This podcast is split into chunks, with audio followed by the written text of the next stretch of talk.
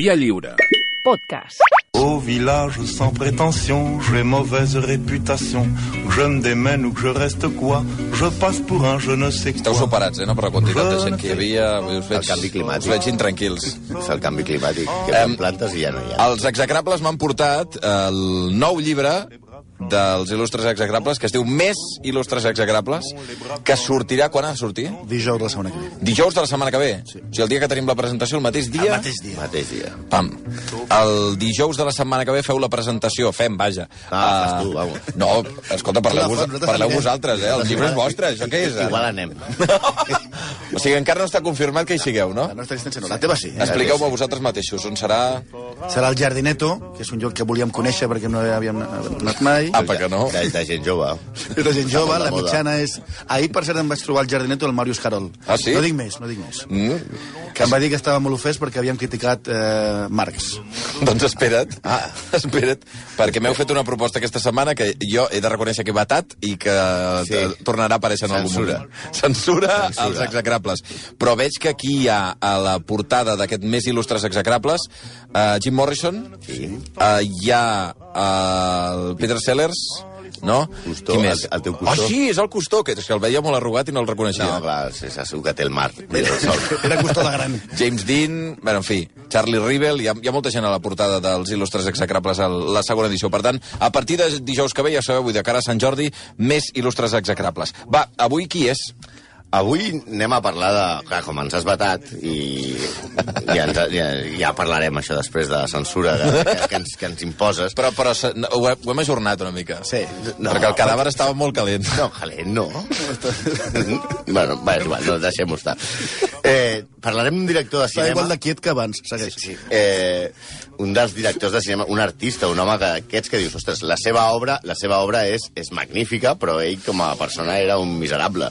Un tio, bueno, miserable, sí, miserable, perquè va consagrar i va descobrir a Marlon Brando i James Dean, dos execrables, per cert, que un geni va dirigir pel·lícules com Esplendor a l'herba, que és una pel·lícula meravellosa, però que ha servit a la premsa esportiva per fer tots els titulars cutres sobre Wimbledon.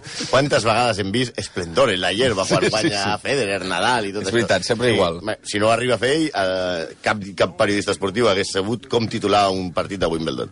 També ha fet un tramvia anomenat Desig, a l'est de l'Eden, un senyor que va guanyar tres Oscars, quatre Globus d'Or, que pels de l'ESO són com la pilota d'or, però una mica més justos, Mm. un os d'or de Berlín, una conxa, conxa petxina d'oro a Sant Sebastià, Ai. i el lleó de plata que Cal dir que el Lleó de Plata és el màxim guardó com a director. Però quin problema hi ha amb aquests del cinema? Osos, conxes, lleons? Què els hi passa? El geni era, era José Manuel Lara, que va dir le pongo planeta i a cagar. Ah, això. I ja està, Era la solució fàcil. Un tio que tenia un immens talent i que va fundar ni més ni menys que l'Actors Studio, que és com la masia dels actors. Però també va ser un mal marit, un violador, un delator, un traïdor i un mal amic. Un tio molt poc de fia, que responia al nom de Elias Casanjoglu, però que, clar, perquè cabés en els crèdits de les pel·lícules, el carnet de conduir i els xecs, va, va cortar-ho i va fer Elia Kazan. Eh? Ja estem amb les músiques que no tenen res a veure. Sí, però com que era Sí que ella- té a veure Elia Kazan. Ja, ella, ella, Kazan, Kazan, ja sé, és molt patillero, ho sabem, però... Però com si no, que no diu ni Kazan, només ja, diu no, ella. Ja, això ho posem nosaltres, però pen- Però pensàvem aquesta posar... patillada què és? Pensàvem posar Ella tiene el poder, però ja s'entenia menys encara. De fet, a qui volíem fer aquesta setmana primer era a Emily Dickinson, la gran poetesa que perseguia capellans pel, per tota Anglaterra. Però al final no ens vam atrevir, perquè en el fons som molt de Dickinson sobretot d'Angie Dickinson, que, però com era amiga de Frank Sinatra i a Sinatra no el toquem, sí. Sí. doncs aleshores ja no ho vam fer. Després volíem fer un execrable express amb Stephen Hawking, Sí, aquest és el problema. aquí, i tu ens vas dir que, que res. Que és molt d'hora. Per fer... molt Però el, el, el Bertran ha parlat de Hawking aquest matí. I, Però amb bon gust. Sí, Ah, home, No, no com vosaltres. ja està, però, un execrable aquest home. O sigui, et sents malament perquè Beltran ha pogut parlar de Stephen Hawking nosaltres tu no. Ja, ja, ja. Hem de compensar, aquí no hi ha harmonia aquest món. Eh? Aleshores teníem, teníem sempre a Elia Kazan a la banqueta, perquè és el, el, el, aquests que, que és un, un execrable de, de manual. És el xota de la classe, el, el, el xivato, el, el típic merda que acusa tothom. Una mena de Fernando Hierro, que, que, que sempre va a l'àrbitre i diu mira lo que he hecho, i acaba de trencar-li el, el fèmur a, Rivaldo, no? Sí, que hem de dir, hem de dir que vam dubtar si fer-ho o no fer-ho perquè eh, s'ha parlat molt i s'ha escrit molt del caràcter execrable i ja ens havíem una mica oblidat de que era un maleït geni del cinema i del teatre i un escriptor més que decent. representa un dels casos paradigmàtics de la nostra secció. De l'ESO, paradigmàtic no és cap malaltia. és un tret característic, representa un model... Aviam, per exemple, els ciclistes a Barcelona saltar-se els semàfors. Això és paradigmàtic. O sigui, Kazan era un gran escriptor, però titulant un desastre. Esplendor de l'herba té un passe i serveix pel periodisme esportiu, com hem dit. A l'est de l'Eden és acceptable si ets un boy scout i saps on està l'est, del nord, al sud, que és cosa que no he entès mai com, està, com ho poden trobar. Però se li va exaurir la beta el dia que ja comença amb Amèrica, Amèrica, que sembla una cançó de, de, de Nino Bravo. I després va titular, la, i va titular les seves memòries My Life. Mm. Pels que són de l'EGB, Mi Vida. Eh, una crida des d'aquí. Només en aquestes tres temporades d'Execrables hem trobat ja diverses autobiografies que es diuen La meva vida. Per favor, un moment. Ens oferim com a assessors per evitar aquest críptic i repetíssim títol. Així, improvisant, podem dir La biografia de Maradona, em vaig passar a la ratlla. Rajoy, españoles y muchos españoles. Oh, seria una gran biografia, aquesta, eh? O la de Millet, voy muy medicado. Bé, posem fil a l'agulla, que per cert, fil a l'agulla també podia ser les memòries de, no sé, de, De Coco de Chanel. Armani o de Gucci, exacte. No, però Kazan era un, un grec que va néixer al que avui és Turquia, quan era a l'imperi otomà. Va passar de molt nen una temporada curta a Berlín, que llavors era l'imperi alemany, i la seva família se'n va anar a Nova York, que segueix sent Nova York i és l'imperi americà. Si neix a Tatooine seria a l'imperi galàctic. Li, agradava, li agradaven els imperis, sembla. El cas és que la família es fa rica venent catifes a Nova York, però s'arruïnen durant el crack del 29, que pels de l'ESO no és un jugador amb aquest dor, dorsal, ni són 29 grams de cap droga. En plena crisi... Ai, noi. En plena crisi, ell es paga els Tot estudis desastre. fent de porter. Com De- Víctor Valdés. Com Víctor Valdés, però d'edifici, Ah. d'edifici i rentant plats. Ell, Elia Kazan. ell a Kazan. Ah, sí? Ell, ell volia ser actor. Però ell, un tio que comença venent catifes només pot triomfar en el món de l'espectacle. Mireu a Enrique Cerezo o a Garci. Realment. S'ha perdut la figura del venedor de catifes. Sí, estic de- d'acord. I del aquest tio que arribava Sí. a, a trucar a la porta i anava carregat amb una catifa. Amb una catifa així en, enrotllada. Enrotllada. Sí, sí, sí. Això s'ha perdut, i el Sí. també. També, també, també. Ben, ben vist, per això hem triat a Gazan, perquè mai li haurien comprat una catifa a Emily Dickinson, perquè dintre hi havia un capellà. ell, volia, ell, ell volia ser actor, com deia, i ho aconsegueix. De fet, no és tan raro, perquè si Guti, Sura Torrente, Basté amb Woody Allen i nosaltres hem actuat amb Trueba, tothom pot actuar, això està clar. El que és difícil és vendre catifes. Kazan treballa ni més ni menys que el, quan comença el primer paper que fa en Humphrey Bogart, però on comença a destacar és com a director teatral. Amb 22 anys comença a dirigir, guanya premis i es torna una estrella. És un director d'actors i treballa amb ells fins a l'extenuació, les, els tortura realment. Pel que diuen, o toe o toe pesat. Que si no ho sents, que si no ho vius, que si no et saps el guió... No, allò de Jorge Sanz amb Almodóvar, res al costat del braces d'Elia. I això que Jorge arriba sempre amb el guió memoritzat. Ho té tot al cap. Dona, ell, dona el salt del cinema... Aquest, del- aquest atac permanent al Jorge Sanz eh, és una cosa que no, El- no ídol. mai. Dona el salt al cinema, no al Jorge, sinó a Elia, A l'Elia Kazan, sí. I molt arribat, i li arriba l'èxit, no? Amb La barrera invisible, que no és una pel·lícula sobre Benzema i els peatges, eh, aconsegueix el seu primer Òscar. Esteu fatal. Però és amb un tramvia anomenat Desig, on contracta un actor que acaba de començar i que serà un dels seus fetitxes, un de, el seu actor favorit, l'execrable Marlon Brando. Fins fa poc pensaven que la seva amistat va ser legendària, que havia resistit el pas del temps, però la correspondència de Kazan que es va trobar la veritat del que pensava sobre Brando, que no era gens bo pel, per Brando. Ell pensava d'inici que eh, Brando no donava la talla per protagonitzar cap pel·lícula, que les va acabar fent, i que sempre anava sobreactuat. Vaja, és com si Zidane en una carta li, li escriu a un desconegut que Cristiano no és tan bo. Tot i que per veure que Brando sobreactuava, no cal ser el Monti ni el Toni García, ni el Blai.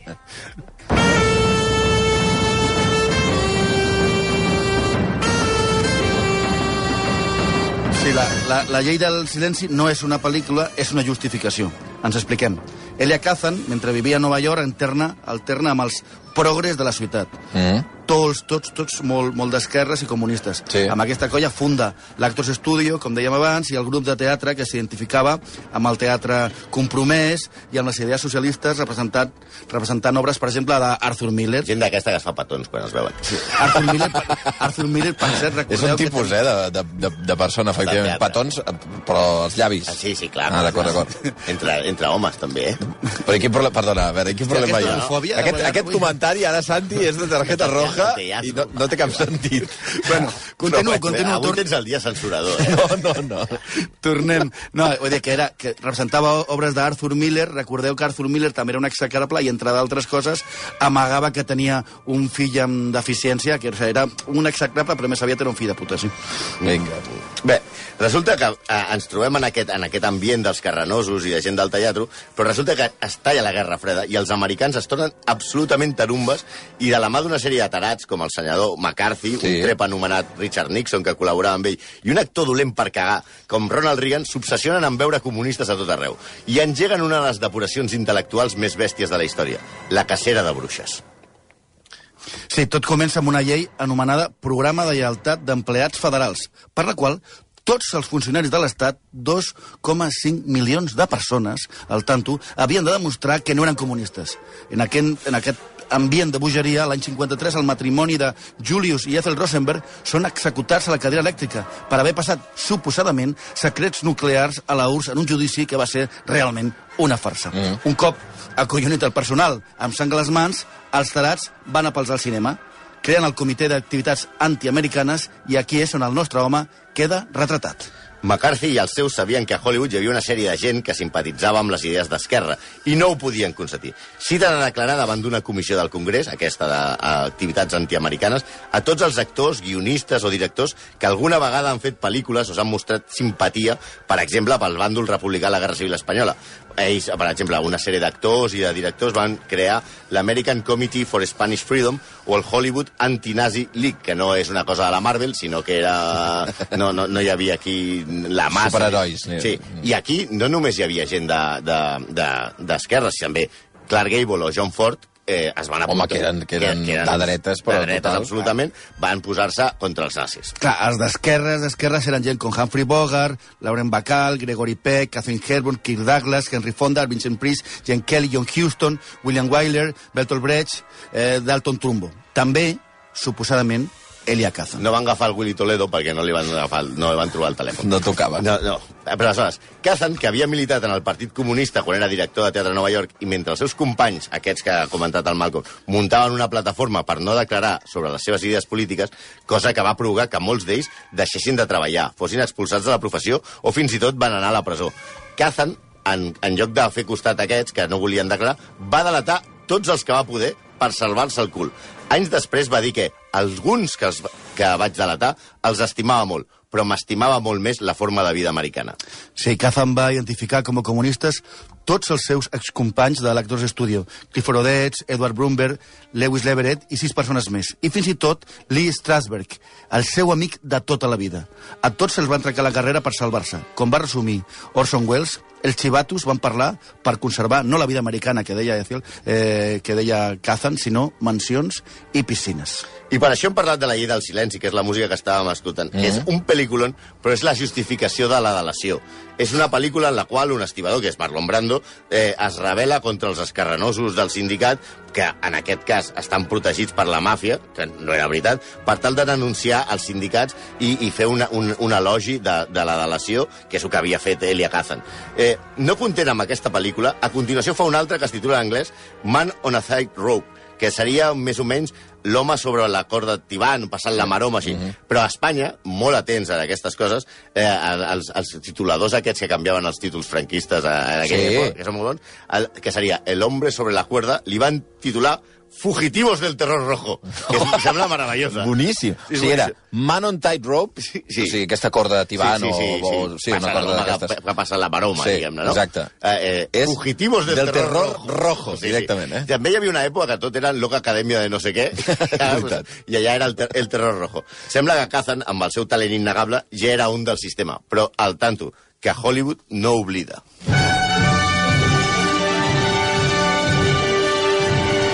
Això que sentim és la música de- d'Espartaco, ara veurem per què.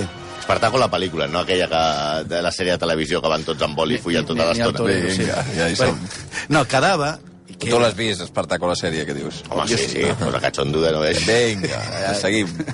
quedava i queda gent decent a, a Hollywood i un era el fill d'un drapaire bilorús anomenat Isur Danilovich Demsky, conegut per tots com Kirk Douglas. Kirk Douglas es diu Yusur Danielovich Demsky? Ara entens per què es diu Kirk Douglas, no? Molt més és com el. Fari. Que no es diu el Fari, tampoc. La veritat és que a Douglas, a Douglas l'única cosa que li podem retreure és el seu fill Michael. Ah, I... Sou uns desagradables com No, voleu, de sí, és eh? horrible, És horrible. Bueno, és igual, però, però té dret a... No sé, A viure sí, sí, no, no, no, no el volem afusellar. Ja, ja, ja enrotllat allà amb Sharon Stone amb una... i van mal amb el jersei de pico allà. home. Ah, ah, per favor. Bueno, és horrible. La qüestió és que Douglas va liderar el moviment contra la, contra la cacera de bruixes i va aixecar-se i va aixecar-se contra McCarthy i contra Kazan. Sí. Kirk Douglas posa tots els seus diners i eh, per fer Espartaco contracta a, a, a Dalton Trumbo, Sí. un dels delatats per Kazan, Sí. que, perquè faci el guió. I, I, a més a més, la pel·lícula és tot el contrari que, que, que La llei del silencio. És un cant a la rebel·lió que deixa clar que la rata de Kazan, que era com era conegut entre els seus col·legues, podia ser un geni, però mai deixaria de ser una rata. Sí, la constatació d'aquest comportament va arribar a l'any 1999, quan l'Acadèmia va concedir a Kazan l'Oscar honorífic a la seva carrera.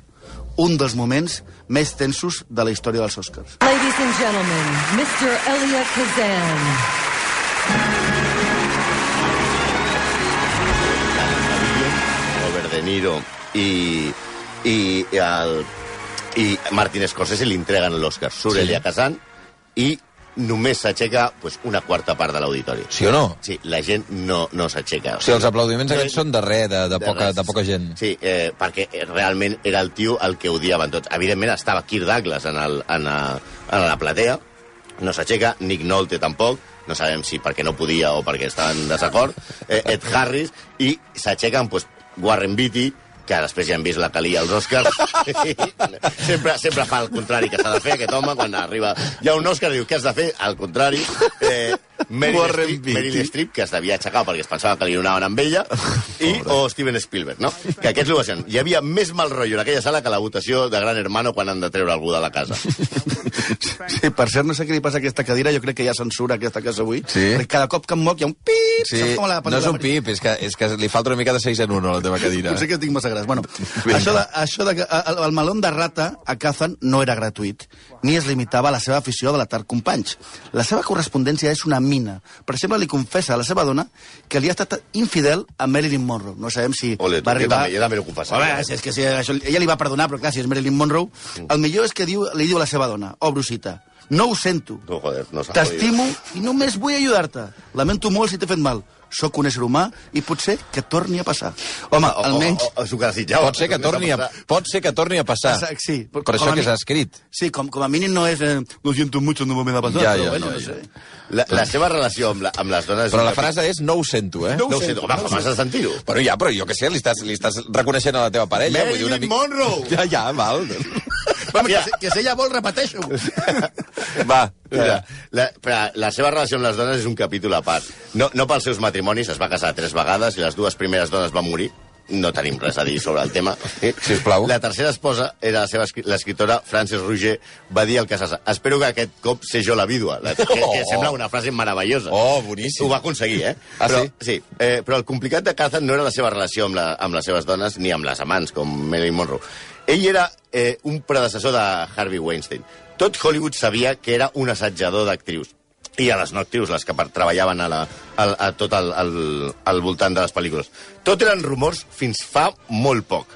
Sí, l'escriptora Carol Drinkwater, per cert, és que m'encanta aquest cognom, Drinkwater, que és com un imperatiu de veu aigua. I sabent Sí. sí. que la- que l'autora és d'origen irlandès, no vull imaginar-me com d'alcohòlic devia ser el Hi ha seu un avantpassat. migcampista del Chelsea que també es diu... Sí, que es diu Sí, Drinkwater. sí, sí, és que m'imagino que van ser els seus avantpassats. Bueno, va escriure una novel·la eh, en la qual hi ha una violació d'un director... Ara que té dius no- irlandès, de seguida vindrà Matthew McDade, que és un eh, noi irlandès que, que, que viu a Rupit des dels 11 anys, que és cantautor, i que, i que eh, avui perquè és, dia, és Sant Patrick, avui. Ah, clar. Sabíeu, això, no? Sí, sí, sabem, perquè tenim per aquí al públic una senyora que es diu Patricia i ens ho ha dit. Sí, sí, sí. Va, d'acord.